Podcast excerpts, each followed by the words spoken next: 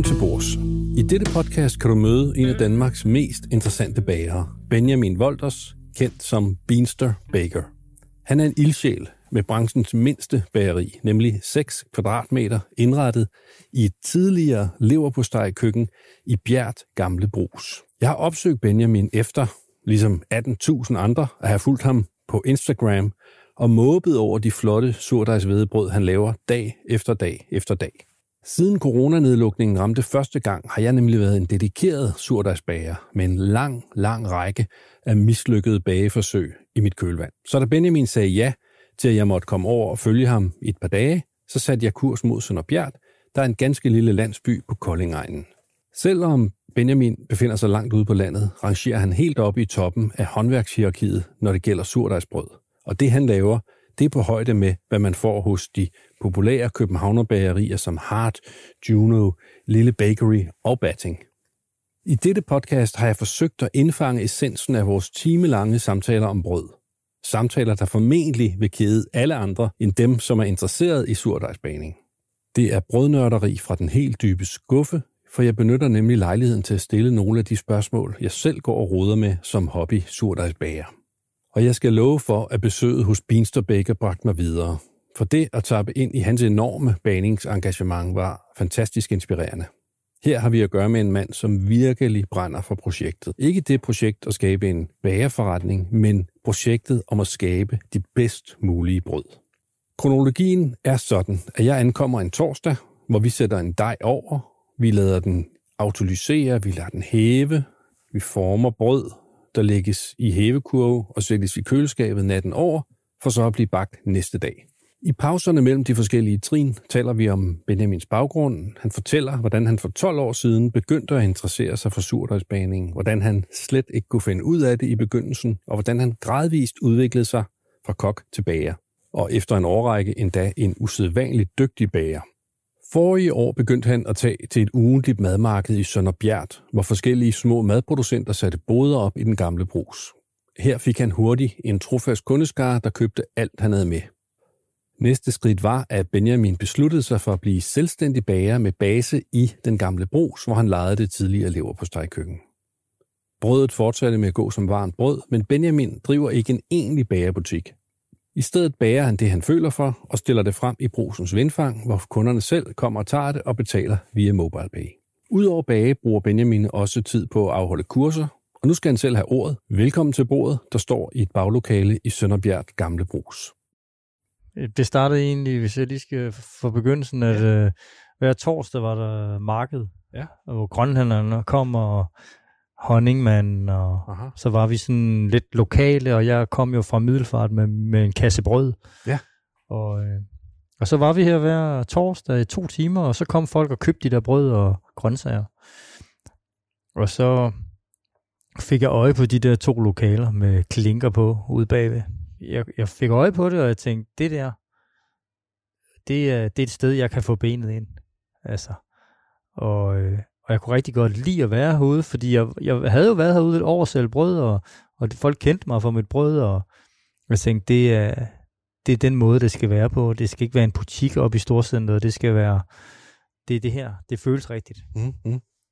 Og øh, det er meget med mavefornemmelse, når man skal springe ud som selvstændig, synes jeg i hvert fald. Så Men- hvis jeg skal fortælle om, hvordan er jeg kom ind i det her baning her, så var det jo egentlig, øh, jamen jeg har flere gange prøvet at tænke tilbage, hvornår det startede. Mm. Men altså, jeg har fundet billeder af min søn i, øh, i kravledragt, hvor jeg har dej og mel over det hele i min lejlighed. Så, Ja. så for 12 år siden, han er 12 år nu, der var jeg i, allerede i gang.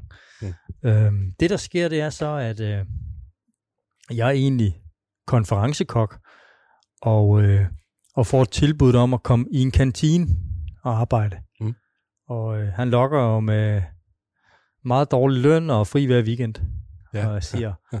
det gør jeg, det tager jeg, Ja. det er job. Ikke? Hvor, hvor øh, var du konferencekok? Jeg var på øh, Hotel Koldingfjord Ja. her i Kolding, ikke? Mm. og der kom jeg til fra København. Ja. Og, øh, så Hvor, var, hvor var du uddannet i København? Jamen, øh, jeg var egentlig på Regnvals i, øh, i København ved, ved Henning. Ja. Det er jo et godt sted, eller var et godt Ja. sted, kan jeg huske. Jamen, han lærte mig alt. Mm. Altså, han lærte mig alt. Øh, den gamle skole. ikke? Ja. Men, øhm, Men lige der, der var brødinteressen, den var der ikke lige der. Det var sauce og fonger, vi kørte med der, ikke? Mm. Så den har altid ligget sådan og ulmet lidt. Når jeg så kommer i den her kantine, og vi skal lave salat bare hver dag, jeg skal have gulerødder og agurker, ikke? Mm. Altså, ikke fordi jeg vil sige, at jeg er overkvalificeret, men jeg følte, at der ikke var nogen mening med de her hverdage, jeg gik på arbejde, ikke? Mm. Det eneste, der var fedt, det var, at jeg skulle bage fire brød om dagen til den her kantine. Ja. Og det, øh, jeg kunne sådan stå, mens jeg skar salat, bare kigge ind i ovnen, og så kunne jeg se, hvordan at de her brød, de hævede sådan skævt op, og så poppede der sådan en svulst ud siden på dejen, Mhm. og det så forfærdeligt ud. Det var helt mat, og det var helt skævt, og det var helt tæt. Og så blev jeg sådan lidt, det må kunne gøres bedre, ikke? Så en dag, jeg var i Vejle, så kom vi forbi et, et sted, der hed Brød og Ko. Det lå sådan nede i Latinakvarteret. Og det var sådan noget kridt skrevne tavler, og nogle mænd, der så underlige ud med nogle sjove sixpence hatte på, Mm. og læderforklæder. Og så stod der surdejsbrød. Og øh, der kunne jeg bare mærke, der, der stoppede jeg lige sådan og kiggede og sagde, hvad er det, hvad er det her for noget? Øh, der er et eller andet her, der jeg synes er enormt spændende. Ikke? Og øh, så begyndte jeg ligesom at undersøge det her surdejsbrød. Hvad er det for noget? Der var ikke noget information at få. Det var svært at navigere rundt i det, måske 12 år siden, ikke? og så var der noget, der hed Boys Brød på, på nettet. Det var den eneste danske blog, jeg ligesom kunne finde. Tre uger senere, der søgte jeg job hen på det der sted i Vejle. Ja, brød og ko. Brød og ko, Mhm. ja. Og, øh, og var det en enkelt samtale, men noget ikke anden samtale, fordi så lukkede stedet simpelthen. Øh, det, Okay. jeg ved ikke, om det gik konkurs. Det Nå. lukkede i hvert fald af økonomiske årsager. Ja. Fantastisk sted. Mm-hmm. Pladespiller. Helt afslappet, og det der brød, der bare smagte. Jeg havde aldrig nogensinde set noget lignende. Nå. Altså i dag tror jeg egentlig ikke, det vil være det vilde, vel? Nej. Men, men det var tungt, der var huller i det, og det duftede bare fandt vidunderligt. Jeg kan huske til jobsamtalen, kom jeg hjem med et af de her brød, og jeg var fuldstændig solgt. Ja. Øh, jeg kunne ikke finde ud af, hvordan man lavede det. Mhm. Jeg kunne ikke finde ud af det på nogen måde. Det var umuligt for mig at, at, at, at, at navigere rundt i det her. Hvad? Altså, jeg læste de der boys blog der op og ned, og, og forstod det ikke, og der var ikke nogen, jeg kunne spørge. Det var frustrerende, ikke? Der var ikke nogen Ja. kurser, der var ingen. Mm-hmm. Øh, Hvad med Meyers øh, brødskole, bageskole? Majers bagebog med store huller på forsiden. Bogen, jeg købte den lige med det samme. Ja. Og, og prøvede at lave det her, og det var ikke det. Det blev ikke det. Ah. Det var ikke det samme. Der var, det var noget, han brugte en biga, den var tynd, den kunne ikke hæve brødet, og brugte han gær. Nå. Øh, det tilfredsstillede mig ikke. Det var, det var en fordrej, det var noget andet. Det var ikke det produkt, jeg gerne ville lave. Ah. Øhm, jeg læste amerikanske sider, enormt meget amerikansk. Bulk fermentation, cold proof, Benettons, alt muligt, jeg ikke forstod. Mm. Og jeg tog det slavisk, og gang på gang på gang nede i kantinen, der fik de noget, der mindede om bagt dej. Sjældent gang kom de ned, reviserne op fra kontoret og sagde, de var lidt tunge, dine boller, til mødet. og så siger jeg, det er fordi, det er surdej. Og så siger de, er det surdej? og så guffede de de der boller i sig. det var rå dej. De hævede ikke det mindste. Okay. Det var allerhøjst lidt vanddampe, der eksploderede inde i dem. Ikke? Nå, nå. Det lavede jeg i månedsvis. Ja. Altså, til sidst så blev jeg så grebet af det, at jeg cyklede ned efter aftensmaden, kantinen, for at kigge til de her deje, der stod inde i køleskabet i deres hæveku. Mhm. Og jeg kan huske første gang, hvor jeg sådan åbner, og de er hævet op til kanten af hævekuren. Ja. Jeg, jeg er fuldstændig i sådan en tilstand af lykke. Altså, det her, det er hævet.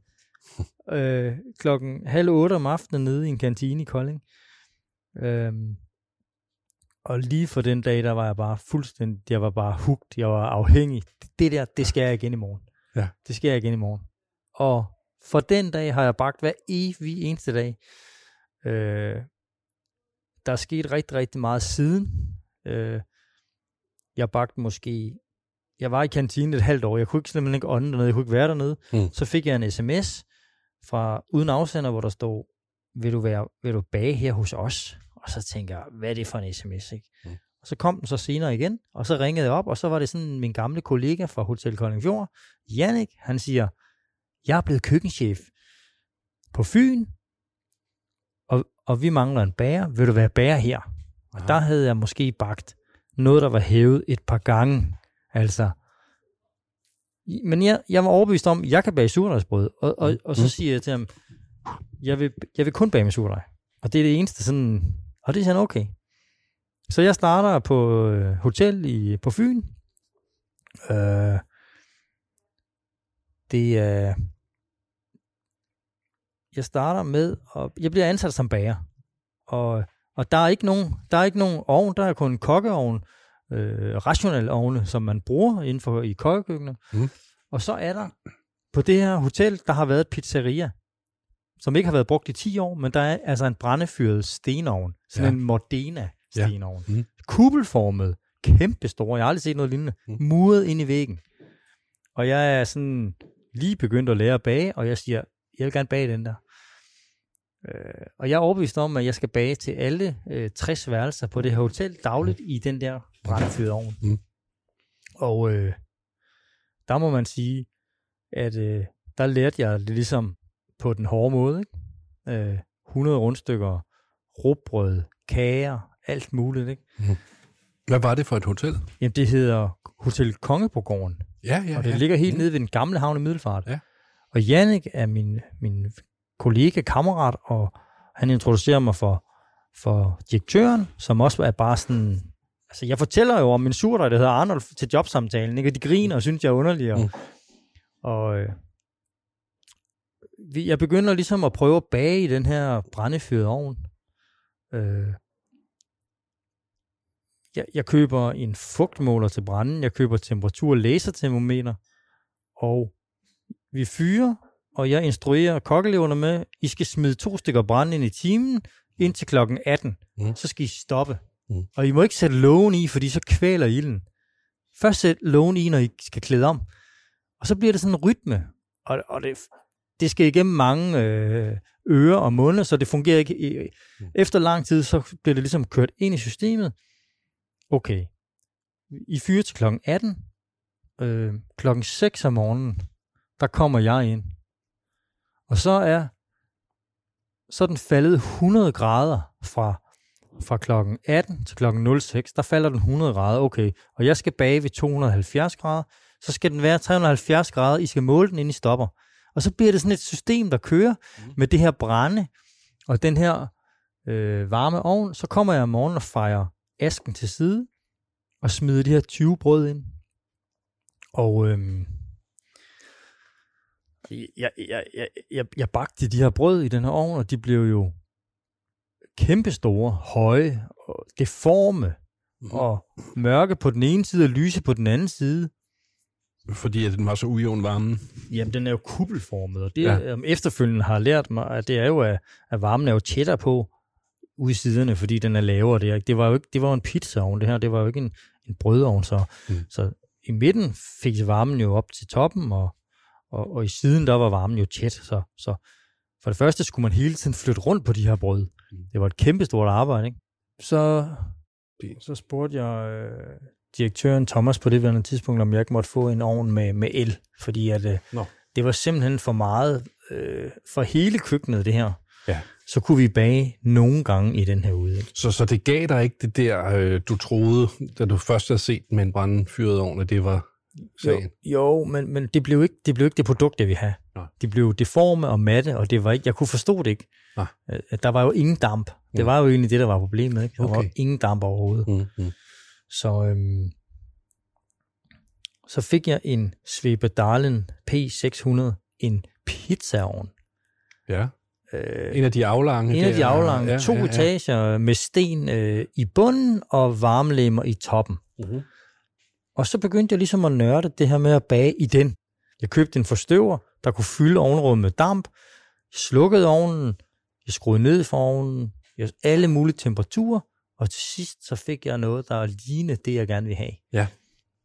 Der gik ikke seks måneder, så begyndte folk at spørge, om de måtte komme i praktik ved mig. Nå, Øhm, så havde jeg praktikanter, og så gik der ikke øh, et halvt år mere, så begyndte folk at spørge, om de måtte købe brødet, og om de måtte sælge brødet. Altså, produktet arbejdede ligesom alene. Øhm, det endte med, at jeg havde praktikanter hver uge. Jeg solgte brødet i caféer øh, og helsekostbutikker og på madmarkedet. Men i mit eget arbejde havde jeg mit eget forretning, der kørte rundt. Og vi aftalte, mig og øh, direktøren, at vi deler bare pengene. Mm. Og det var super fint, altså, men det eskalerede, og det blev, det blev kendt for det her surdejsbrød. Jeg holdt foredrag, og der kom møller og ville give mig mel. Og på et tidspunkt, så var der gået, ej, lige pludselig var der gået fem år, ikke? så havde jeg været der i fem år. Og det var blevet, jeg var kommet på Instagram og lagde, lagde brød op dagligt, og det her, det tog bare fart. Ja. Så kom Jannik og sagde, jeg har fået et nyt arbejde, køkkenchefen, og Thomas, direktøren, han skulle på en anden kommel i Kolding. Så kom der en ny køkkenchef og en ny direktør, og så sagde de, hvad foregår der her?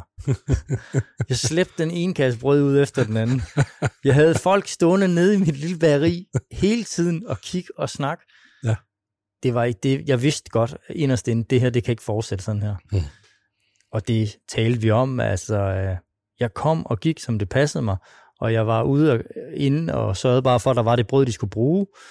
Men øhm, efter en behagelig samtale med de nye øh, ledelse, så blev vi enige om, at det var jo faktisk i marts omkring corona-start, Ja. at, øh, at det ikke fungerede mere, og de var også sådan nødt til at helt ned i bund med deres personale nu, og, Mhm.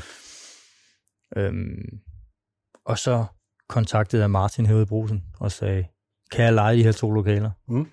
Det blev vi enige om, at øh, vi skulle prøve, og det lejede jeg så fra 1. april, startede jeg op som selvstændig herude i brusen. Hvorfor hedder du Beanstar Baker? Ja, øh, igen er det en sjov historie, ikke? fordi at, øh, der er mange, der spørger mig om, hvorfor jeg hedder Beanstabækker. Øh, oprindeligt er jeg fra Svendborg. Det er forklaringen. Ja, det er ikke helt forklaringen, men øh, i Svendborg, der kørte vi på skateboard. Mm. Og, øh, og så blev man, når man hed Benjamin, så blev man kaldt Bønne. Fordi Okay. Benjamin, det var for langt. Ja. Øh, med otte bogstaver. Så jeg blev kaldt Bønne, og når vi blev en 15-16 år, så blev det til Beanster. Mm. De seje, de kaldte mig Beanster. okay. Og det, øh, der er stadigvæk nogle af de gamle, der kalder mig Bønne, og nogle, der kalder mig Beanster. Og så var det sådan meget, okay, Beanster Baker. Der var en eller anden, der sagde det sådan for sjov, okay, ved du hvad, den tager jeg. Ja. Det, øh, det giver meget god mening, fordi jeg kan rigtig godt lide det her med skateboard, er en del af mig. Jeg synes, der er rigtig, rigtig mange paralleller med skateboard og med baning. Det er helt perfekt, at jeg ligesom bibeholder noget af mig selv i det her. Altså, jeg bare er en videreudvikling Ja. af den, jeg var. Mm. Øhm, Og det, det tror jeg lige, du skal forklare mig, det her, ja. hvordan skateboard ja. Og baning hænger sammen. Ja, jamen altså, det er enormt udtryksfuldt. Man kan have god stil. Altså, man kan, man kan forme de her dege, sådan at det, at det, øh, det ligesom bevæger sig på en smuk måde. Det er meget med at køre på skateboard, er noget med at have god stil. De her flip-tricks, de skal ligge godt i luften Mm. Og være en flydende, udtryksfuld, smukke bevægelser. Og, og på den måde, der synes jeg, at hele det der udtryk, det der med, at man kan lave tricks, okay, flydetricks, eller Mm. mm. shaping-tricks. Man kan sådan, der er mange af de samme ting, når man folder, så det, føles det lidt ligesom at lave et flip-trick, synes jeg. Øhm, måden, at man ligesom skal gribe dejen på, og, mm. og, og, og, og være over dejen. Øhm, så det var egentlig meget naturligt for mig. Selvfølgelig kunne jeg ikke finde ud af det i starten, men det kunne jeg heller ikke med skateboard, så Mm. det der med at blive bedre til det hele tiden og lære det, ikke? Ja. Ja. Nu siger du selv folder, man folder og former. Det her med at lade, lade dejen hæve, det var for mig at se den, den største overraskelse, da jeg begyndte at snuse til det her. Det var Chad Robertsons bog, hvor han fortalte, at man ikke skal ælte dejen, men man skal blot blande den sammen, og så strække den og folde den. Og jeg vokset op med, jeg har også begyndt at bage, som jeg tror, jeg var 6-7 år, da jeg begyndte at bage, og min mor lærte mig, at så skulle man rigtig slå på dejen, ja. og, og, og den skulle slippe. Til dejen er glat og slipper bord og hænder. Så de var jo... Ja. Ja. Jeg, jeg kan jo se, at jeg har brugt alt for meget mel i de her brød. Ikke? Altså, Jo. alt, alt for meget. Hvor, har, har du selv været over den der fase? Nu er det jo lidt større mængder, du bager i. Ja, altså, øhm, Chad Robinson har jo været forbillede for rigtig mange, også mig. Øh, men Han har jo haft en bog med en opskrift. Han har ikke sådan fortalt, hvorfor. Mm-hmm. Altså, det er det, jeg har manglet lidt. Det med de her, hvorfor gør man tingene? Fordi der, jeg synes, det var fantastisk at se hans smukke brød, men man foldede dem, og man gjorde så lidt ved dem, men, men jeg manglede hele det her med, hvorfor gør man det? Mm. Altså, det synes jeg ikke, der er nogen, der har sådan beskrevet. Så det var mere der, hvor jeg nørdede dybere ind i det. Hvorfor ældrer man meget? Hvorfor ældrer man lidt? Og hvorfor folder man bare? Men uden tvivl, så kan man lave det samme brød i hånden, som på en dyr maskine. Mm. Du kan lave det i en gryde, som i en ovn til 400.000. Mm. Og det synes jeg er noget af det smukke ved det her. At du behøver ingen redskaber. Det er kun fordi, du skal eskalere op og lave en stor mængde, Aha. at du har brug for udstyr. Mm. Fordi det er egentlig, så handler det om, om følelser og sanser. Det er meget sansligt. Øhm, jeg har mange overlæger, eller ikke mange, jeg har overlæger, jeg har, øh, hvad de hedder, øh, mange naturvidenskabelige, også laboranter og sådan nogle ting på kursus. Og de har sværest, det er dem, der har aller sværest ved at lære bag, fordi de mm. fastlåse i deres naturvidenskab. Ja. At de siger, det, sådan er det, sådan skal det være. Ikke? Mm. Og det, er, det står i bogen, og det står her, men, men, men når, man, når man prøver at, at lege med surdej, så leger man også med naturen. Og, øh, og, og det vil sige, at der ikke er noget facit. Mm. Der er ikke noget facit på noget af det her, fordi der er alt for mange variabler, mm. så det, man, måden man kan få succes med det, det er at bruge sine sanser. Ja. Og dufte, og føle, og mærke, og fornemme. Det, nu sagde jeg godt nok tidligere, når vi målte op, at det skal være præcist, mm. men det er det mindste, man kan gøre, det er at måle præcist op. Ja. Fordi resten kan du ikke kontrollere. Nej. Jeg synes, det sværeste ved at følge Chad Robertsons bog, at jeg bagte rigtig mange brød, hvor jeg fulgte det fuldstændig præcis. Mel, vand, salt, jeg gjorde alt. Det hævede fint, men når jeg så skulle til at forme, plask. Altså, så klaskede det ud. Ja. Øhm, og jeg tror aldrig helt, jeg kom i mål med, øh, med, med, med chats øh, opskrifter. Der var jeg inde. Og sammenligne sig med, med, med, med, med, med chatsbrød, det er jo, der er jo en hel faktor her, som vi ikke ved. Og det er jo det, som han ikke beskriver, mm. melen. Mm. Hvad for noget mel bruger du? Ja. Det, der er med den amerikanske hvede, det er, at den er stenhård.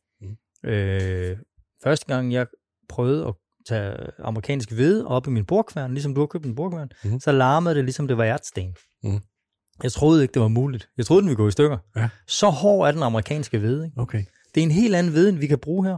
Og der er ikke noget, han siger jo ikke, jeg bruger den her hvedemel. Han siger bare hvedemel. Han siger hvedemel, Og hvedemel er lige så forskelligt ja. som vin, mm. og vin og druer til vin. Ja. Og øhm, jeg, jeg nævnte det tidligere med, med glutenstrengen er som tovværk. Jo stærkere mel er, jo tykkere er det her tovværk, mm. jo mere skal man ælte det. Har man meget, meget stærk mel, så skal det virkelig have nogle tæsk for, at det her tovværk det bliver aktiveret.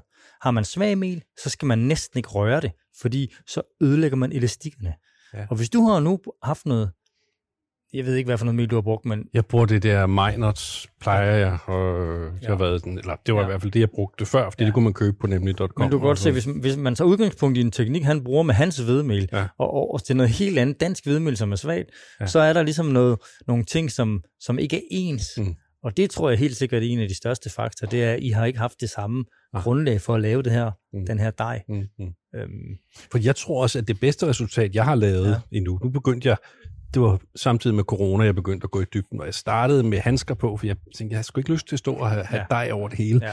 Øh, det er jeg kommet over. Øh, men der tænkte jeg, nu skal jeg prøve at vise, at man også kan lave det bare i en maskine. Men det bedste resultat fik jeg i sommer på ferien ved Vesterhavet, hvor jeg havde taget mine ting med, mine hævekurve og så videre, men ikke nogen vægt. Ja. Ikke noget decilitermål. Ja. Ja. Så var jeg tvunget til at ja. føle mig frem, ja. og det er altså det bedste, jeg har lavet ja. Endnu. Og det ja. må jo være det, så er jeg ja. tvunget til, og så har jeg vel også været heldig. Det er nøjagtigt. Men, øh, ja. Men jeg tænker egentlig også sådan en grundviden, en grundforståelse for, mm. okay, det her mel, det kan det her, det her mel kan det her, ja. og så når man har de her mel, så skal man gøre det her med det. Og jeg synes, alle de her beskrivelser, de mangler. Det er noget info, der ikke er, er tilgængeligt nogen steder. Der er ikke nogen, der sådan har undersøgt. Ingen engang møllerne ved, hvad deres mel kan. Ved, hvordan det kan bage. Ja. Så når du hver dag i 12 år kigger ned i din rørmaskine, kigger ind i din ovn, ser, hvad sker der, og du ændrer små ting, så det sidste, så begynder man at forstå det her. Ja. Okay, nu giver det mening. Når der er mere vand i dejen, så afgiver det mere vand ind i ovnen. Mm. Så, så behøver du at tilføre mindre vand. Mm. Så har det længere tid, inden det, inden det sætter sig i skorpen. Mm. Har du en fast dej med, med, med, med en lav hydreret dej, så afgiver det også mindre vand. Så, så bliver skorpen her hurtigere sat. Mm. Altså sådan nogle faktorer spiller mm. ind Ja. øh, med temperatur og med det hele. Så øhm, nu kan det være, at vi lige skal kigge til, til, Ja. til, til dejen derude, ikke? fordi at, øh, nu har den stået afsluset en halv time. Lad os gøre det.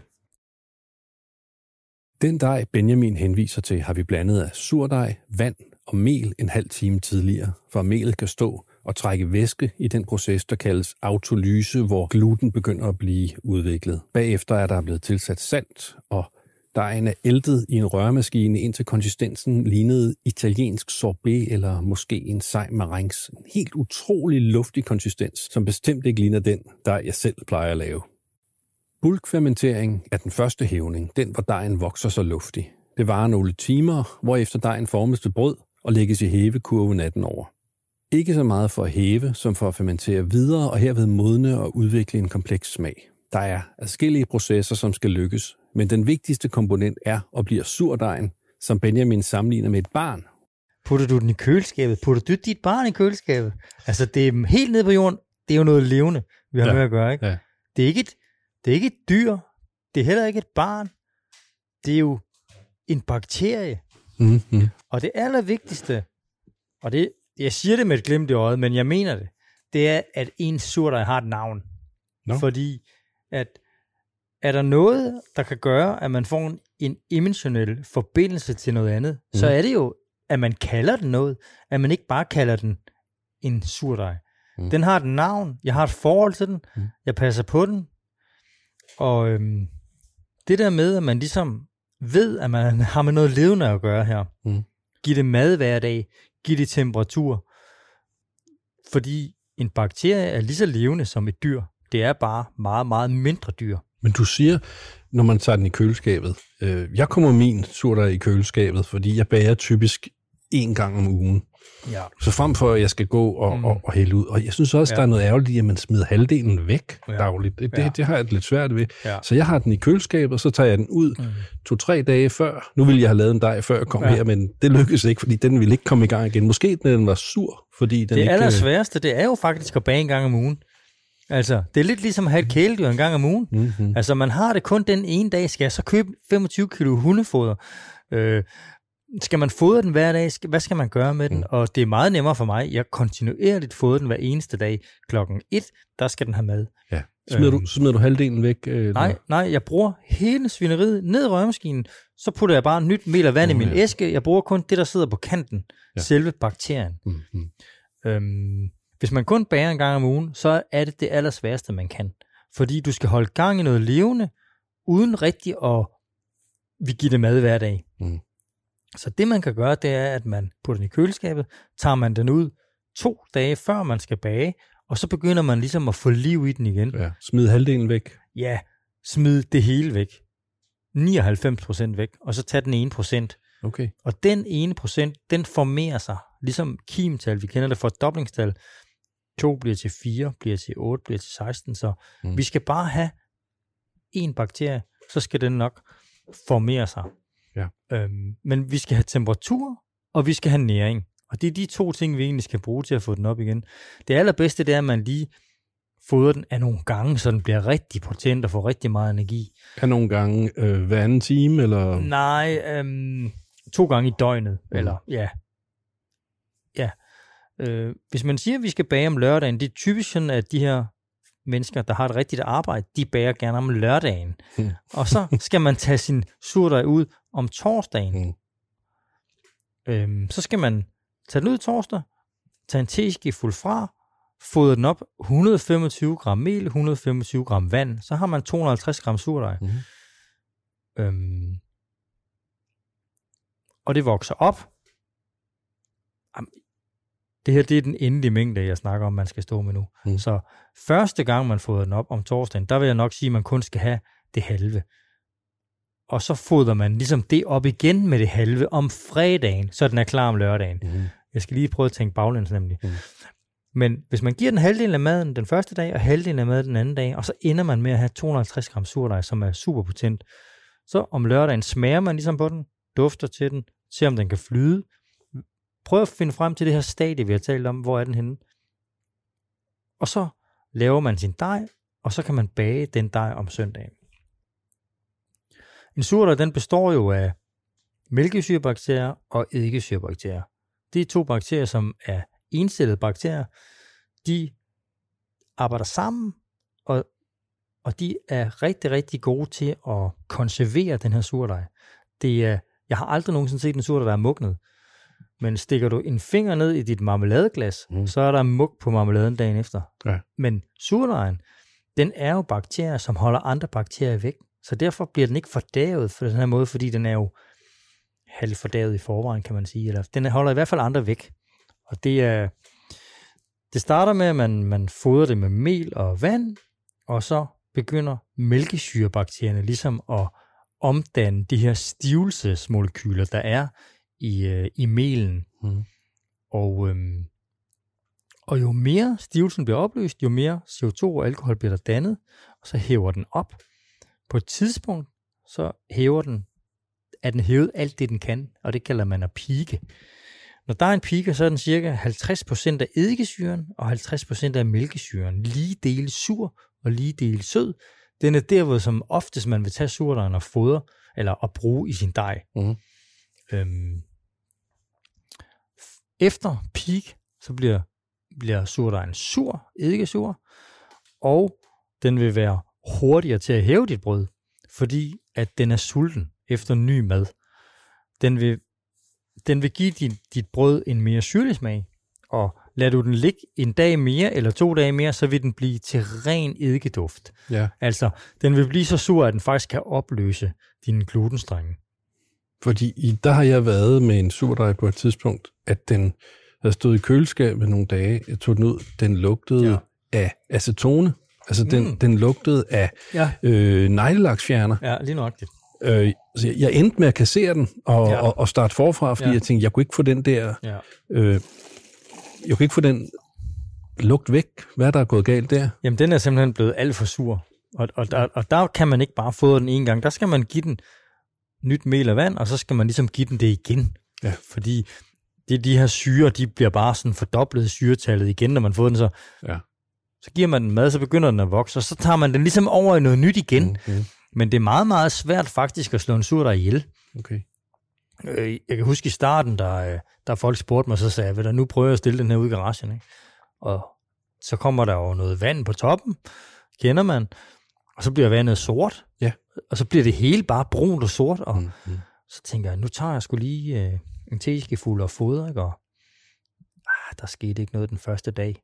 Men anden dag, så kom det bare igen, pff, ud over det hele. Nå, nå. Altså, så bakterierne går i dvale, ja. Ja. men de, det spændende er jo, at de, de bliver ikke til andre bakterier. Mm. De holder ligesom sig selv dernede, ikke? Og hvor længe de kan stå, det skal jeg ikke kunne skyde på, men, men altså, Vi taler videre om surdejens mysterier over en flaske vin, som pudsigt nok på en måde afspejler en del af Benjamins personlighed samt smag, og som klæder hans hang til svulmende, saftigt brød af fuldmoden gyldent korn. Hvad er det, du har skænket til os? her der har vi en øh, amerikansk øh, Zinfandel fra øh, Kalifornien. Ja. Og øh, lidt ligesom korn, ikke, så øh, jo mere sol noget får, ikke, jo mere sukker der bliver der dannet. Ikke? Mm-hmm. Og det kan jeg rigtig godt lide. Den hedder American Bastard. Ja, og det er jo sådan noget vin, øh, jeg ved ikke, hvorfor jeg godt kan lide sådan noget saftevandsvin der, der er nemt at drikke og tungt, ikke? Øh, Ja. Jeg tror ikke, jeg er sofistikeret nok til at smage så fine nuancer med alt det mel, jeg har oppe i næsen. Lad mig lade smage på den. Skål. Skål. Ja, jeg skal love for, at den dufter. Jeg kan godt lide den.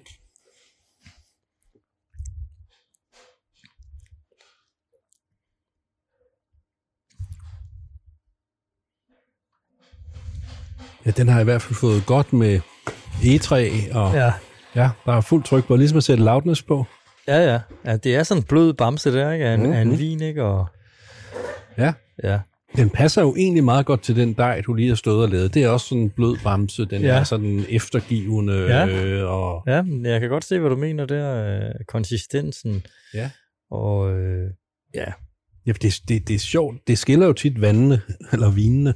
Det her med, nogen siger, uh, det er syltetøjsvin, og, og Zinfandel, Mhm. mm. det er der jo noget, som mange, skal vi sige, vinnørder har rigtig meget imod, ikke? Fordi Jo, jo, jo. Zinfandel kan være ja. for meget, øh, når det vokser over i de flade dalbunde i Kalifornien, og bare får ja. masser af sol. Og alt det vand, det kan drikke. Vi er igen tilbage til din dej, ja. som den, du vil have, at den får så meget vand som muligt. Og det vil farmeren af, af druerne jo også gerne, hvis de vil have saftigheden og, og udtryksfuldheden. Det bliver jo ikke forfinet smag. Nej, Men jeg synes ikke, at den her vin, den kammer over i det, som, som man netop siger, syltetøjs Zinfandel. Det synes jeg ikke, den gør. frikadellevin. ikke? Ja, Ja. jo. Nej, Men, øh, nej, jeg, jeg synes faktisk, den, den, den har noget... Altså, den har først og fremmest noget syre. Mørket er faldet over Sønderbjerg, så vi skilles for natten og mødes igen næste morgen, hvor brødene skal bages af mange omgange, for der er kun plads til ni brød ad gangen i den lille ovn. Godmorgen. Hvordan er det gået med brødene i nat? Jamen, det er gået rigtig, rigtig godt med brødrene i nat. De er virkelig gode. De ser også gode ud, brødene, som vi nu skal sætte os for at smage. Foran mig ligger et af dine brød, som jeg har beundret så tit, øh, når du lægger billeder op på, på Insta og Facebook. Og jeg har også set en gang, hvor det ikke var beundringsværdigt, mm. hvor, hvor du havde mandsmod nok til at, at vise et brød, som var, som var kikset. Men som regel går det godt for dig. Ikke? Det her, det har den der smukke, brune øh, farve i mange nuancer. Op på toppen, der er det sådan helt mørkt. Det er tæt på at blive brændt, men det er ikke brændt. Øh, men det er jo den her øh, charme i brødet, og så bliver det lysere, brunt, og så kan man lige kigge ned til, til, til det helt lyse. Mm. Øh, og, og det har en smuk form. Man kan sige, det her, det er jo, det er jo også som Chad Robinson siger, ikke? Det, det skal have et udtryk. Mhm. Og, og det er jo det, som folk falder for. I starten der lavede jeg en to-tre forskellige brød, men folk købte kun det her, fordi Som er aflangt, altså som ligner et helt klassisk øh, helt landbrød, klassisk, ikke? Øh, ja, Ja. ja, loaf, eller hvad man kalder det, Ja, ikke? ja. Det, og det, det har et udtryk, og, øhm, og, det, og, og det forstår jeg udmærket godt, fordi jeg var selv blevet solgt på samme måde, men, men jeg synes også, det er rart at have fundet ud af, hvorfor jeg har rigtig meget, hvorfor, ligesom i folkeskolen, hvorfor skal vi lære det her, ikke? Så vil jeg gerne vide, hvorfor med det hele. Og hvorfor bærer man det sådan her? Og hvorfor har det den her, det her øre? Og hvorfor er det så fedt at lave det her øre? Øret, det er, at den ligesom stikker op. Man kan også kalde det en, en hanekam, eller Ja. en, Øret er ligesom, at det... en hajfinde. Og jamen, jeg læste mig til det, og om det er en røver, eller om det er sandt, jeg fortæller den i hvert fald glædeligt videre, fordi det er en rigtig god historie, at det her med at snitte sin dej, det startede jo i, i 1500-tallet, hvor man ligesom havde fællesovne på pladserne, mm. og så hver familie skulle kende deres brød, og så snittede man ligesom familiens tegn, nogle streger, noget et eller andet, Okay, ja. og så kunne man kende, okay, det er vores brød, det her. Ja. Øhm, længere op i årene, nogle 100 år senere i Frankrig, dengang man rigtig bagte i Frankrig, så kunne man blive brødbager. Og, Mhm. og måden man bestod brødbagereksamen på, det var, at man kunne løfte brødet i øret. Ja. Så, så var man brødbager. Og, øhm, Aha. og Okay. okay. det fortæller mig egentlig meget godt, at for at man kan opnå det her øre, der skal melen skal være rigtig, men surdejen skal være rigtig, Ja. æltningen skal være rigtig, hævningen og afbaningen. Så alt skal være udført til perfektion, før man opnår det her øre. I dag der er det jo blevet rent blær. Mm. Store og små ører. Og jeg synes især, det er spændende, når man ikke får sit øre på. Øhm, en anden ting er jo det her med farven, som vi lige talte om nu. Hvorfor bærer man det sådan her? Og igen, som kok, så giver det utrolig meget mening, ikke? at man bruner sin bøffer, man bruner sin fongben, man bruner alle sine emner for at få de her kulhydrater til at karamellisere, mm. så det giver en smag, Den såkaldte Maillard-effekt. Maillard-effekt. Og herude, hvis man, hvis man har været kok i bare 14 dage, så ved man, at det skal, at man får at vide, at det skal, man skal smage salt, surt, sødt, bitter, ikke? og så er der kommet noget nyt for en 25 år siden, der hedder umami. Og hvis man kigger på sådan et brød her, så er det jo sødt, bittert, sprødt, blødt, salt, surt og sødt. Ja. Og umami er det jo også, fordi det er jo bare den her kødfulde smagsfremkaldende smag. Proteinholdige, Ja. ja. Og, og, og det her, derfor at, at det smager så godt, og man er så glad for det, det er jo, fordi det rummer alle smagsindtryk overhovedet, Ja. som man kan få i noget så simpelt som mel og vand. Ja, ja. Og øhm, så er det levende, så er det enormt svært, og så er det foranderligt. Og de, det hele den her kombi af de her forskellige ting gør jo, at ligesom dig og mig, bliver man fanget af det. Man synes, det er utroligt spændende og svært på samme tid, og det smager utrolig godt. Mm. Øhm, Hvordan med det indre, når nu øh, vi har skåret det igennem, og så ser man, der er tre, fire meget store øh, huller, og så er der rigtig mange øh, færre. Er, er det, som du vil have, det skal være det der? Altså, den her jagt på den her åbne krumme, som man siger, mm. den er uendelig. Øh, det, man ser herinde, det er jo, at vand og gasdampe, det eksploderer, ligesom ved, øhm, det eksploderer ved et højt varmetryk. Og det er nok det mest ukontrollerbare i hele det her, øh, den her proces, det er at få den åbne krumme. Du kan ikke kontrollere det. Du kan lave den samme dej, som jeg gør hver eneste dag, og du får den en gang om måneden. Ja. En helt åben krumme. Ikke? Mm. Mm. Det her det er sådan en standard krumme. Den er let og luftig.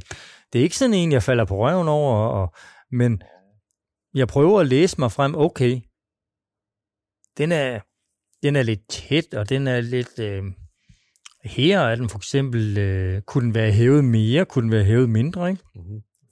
Jeg synes, det det, er- det er et ganske fint brød. Ja, det er Der flot. er ikke... Øh, Åh, oh, hellere smage på det også. Mm. Smager korn. det er jo ikke mørkt, og det er heller ikke lyst. Det er jo sådan en, en blanding. 33% stenformalet hvedemel, som giver en total øh, med, med, med skaldel og det hele procent på, på, på måske 25 procent Ja.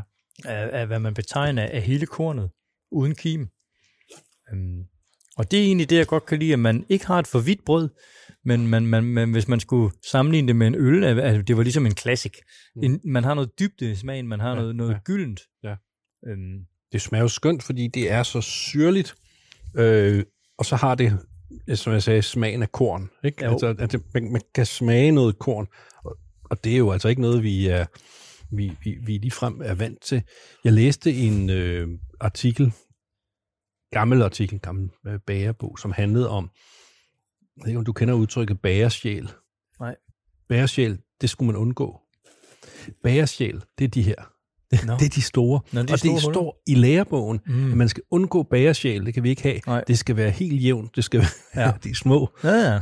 Altså, så man, man ville simpelthen ikke have sjæl Nej. i brødet. Det Nej. var en fejl. Jamen, jeg, kan- øh, jeg har mødt flere bager, der også siger, at det her ude, blisterne, det, det hedder patter, og det vil man i hvert fald ikke have. Nej. Så alt, hvad man egentlig gerne vil have nu, det vil man ikke have med sit gærbrød. Mm. Øhm, Blisterne, de er altså også smukke. De er bitte, bitte, bitte, bitte små bitte små blære. blære af, af karamelliserede luftbobler. Det er jo lidt som, hvis man får en vabel, en brandvabel, ikke, Ja. på fingre. Men her så er det bare på en måde, øh, så det danner et mønster. Og de er, de, de er der over det hele, men lidt svære at se. Hvordan kan man fremme det? Jeg har prøvet at stå og, og, og øh, forstøve lidt vand på, før jeg lagde det Ja. men Man kan sige, øhm, når, man, når man har en god fermentering med noget masser af hvidmel, så har man mange sukkerstoffer. Mm. Og så vil der ligesom komme en masse luftbobler på oversiden her. Og så er det simpelthen et spørgsmål om at have rigtig, rigtig meget damp. Som bærer en gryde, og man smider nogle ekstra isterninger derind, så, og Ja. meget hvidmel, så vil man kunne få en masse blister. okay. Men det er, u, det er ukontrollerbart igen. Ja. Så det er bare sådan, Nu sagde du det her med 35 procent øh, stenformalet. Det vi altid ser i opskrifterne, det er så meget hvedemel, ja. Så meget fuldkornsvedemel. Øh, Lex Chat siger vist 10 procent øh, fuldkorn og 90 procent. Men, men, men hvis, hvis du skal Ja. øh, give et råd, hvad, hvad skal det så være? Jamen, jeg synes først og fremmest, så er det vigtigste, er, at man finder ud af, hvad for et brød vil jeg gerne bage. Mm. Vil jeg gerne bage et formbrød med emmer? Vil jeg gerne bage et rundt, groft brød med spelt? Eller hvad, hvad vil jeg gerne? Fordi Vi, Alle- vil, vi vil bage det, som Beanstalk han bager. Ja. Sådan et, som er Ja. luftigt Ja, og fyldt med små bobler. Og fyldt med smag og fyldt med saft og kraft, Mm så vil jeg sige, at man skal bruge... Øhm, jeg bruger stenformalet hvedemel, og jeg bruger det fint malet. Og, og det synes jeg er rigtig, rigtig problematisk at få finmalet, stenformalet hvedemel. Fordi at man kan sagtens male ting fint, eller man kan godt male ting groft og sigte det fint. Men hvis man maler ting fint, så får man mere med. Kan I følge mig? Og, mhm og, øh, og, og der kan jeg huske fra starten af, så gik jeg øh, møllerne på stålet. Øh, så sagde jeg, mal det nu finere. Det er alt for groft det her. Det kan jo ikke gøre noget. Det ligger bare som nistre inde i dejen. Ja, ja. Altså. Og så finder jeg ud af, vil du sige det til mølleren, siger de så. Jamen, så skal jeg nok sige det til mølleren, ikke? Så siger han, når, når, jeg, når jeg sætter de her to sten tættere på hinanden, så rammer de hinanden, og så slider de hinanden. Mhm. Ligesom på bordmøllen derhjemme, så siger de krrr på et tidspunkt. Ja. Og på en stor professionel mølle, der koster sådan en sten en formue, ikke? Mhm. måske 800.000. Og det koster måske 50.000 at få dem slebet. Man sliber Ja. dem sådan helt lige. Ikke? Så igen, så er der noget økonomisk, der gør, at man ikke vil samle de her sten Mm. mm. endnu mere. Ja. Så man kan få endnu finere malet hvedemel. Og jeg forstår det godt. Ja. Altså, men jeg, jeg, jeg, jeg vil stadigvæk gerne bare have det endnu finere malet. Så øhm, For ja, når jeg kigger på de tre typer mel, øh, som du brugte i, i, det brød, som nu er i gang, eller den Mm. dej, øhm, der var de jo alle sammen fine. Det var ikke ligesom, når jeg åbner Nej. min pakke med, Nej. med fuldkornshvedemel, hvor man netop ser de Ja. der små Ja. øh, nistre. Det var Og det er jo noget mere det der med, hvad kan det? Altså, det skal ligesom have en egenskab. Mm. Hvorfor putter man det i? Er det sundhedsmæssigt? Er det fordi, man vil have en masse fibre? Så, øhm, så synes jeg at man skal spise et eller andet, øh, altså nogle bønner eller noget, ikke? Mm. Fordi det er ikke derfor, at jeg, at jeg spiser det her brød. Det er fordi, at det skal, det skal gå op i en højere enhed, og, øhm, og det skal kunne give noget til dejen. Det skal kunne give noget af sig selv. Det skal kunne blive i et med vandet. Og det kan det ikke, hvis det er for groft. Så kan det ikke suge noget som helst. Så giver det bare noget, noget kornnister et eller andet. Øhm, så øhm, Hvad hvis man nu tog rent? Altså nu er vi, ja. Jeg, jeg prøver ligesom at, at sige, nu går jeg, står jeg ja. nede i Irma, eller hvor jeg nu står, og der er ikke noget, der står stensformalet 35 cent. Der er en fuldkornshvede, og så er der en Tibo 00, ja. For nu at sige noget. Hvad, hvad vil du så råde mig til at gøre jamen, det? så vil jeg nok sige, at man skal, man skal starte med at bruge 10% af den her fuldkorns, fordi den kan være ret grov. Ikke? Ja. Og så synes jeg, man skal købe måske en kornkammer eller en basemel, en helt almindelig billig hvedemel, Mm. og så blande de her tre, fordi så har man igen type 00, og så har man en kornkammer, som er svag, og så har man noget fuldkorn, som giver noget smag. Så kan man lave sin egen blanding, så prøver man ligesom, nu bager jeg med det her, så starter man lavt hydreret, Ja. 75 procent, Mm. mixer det stille, ser hvordan brødet bliver, kigger man på det, okay, det blev fuldstændig flat. Ja, det gør det gerne. Ja. så er det fordi, at der er for meget svagt i. Og det svage, det er jo, øh, det er jo, det er jo fuldkornsmælen. Skaldelen er der ikke noget styrke i.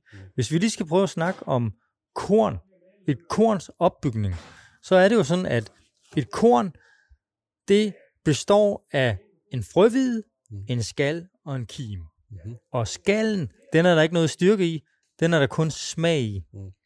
Og er der for meget skal i, så sker der jo det, at det, altså, det kommer til at, øh, at gøre hele dejen svag. Mm.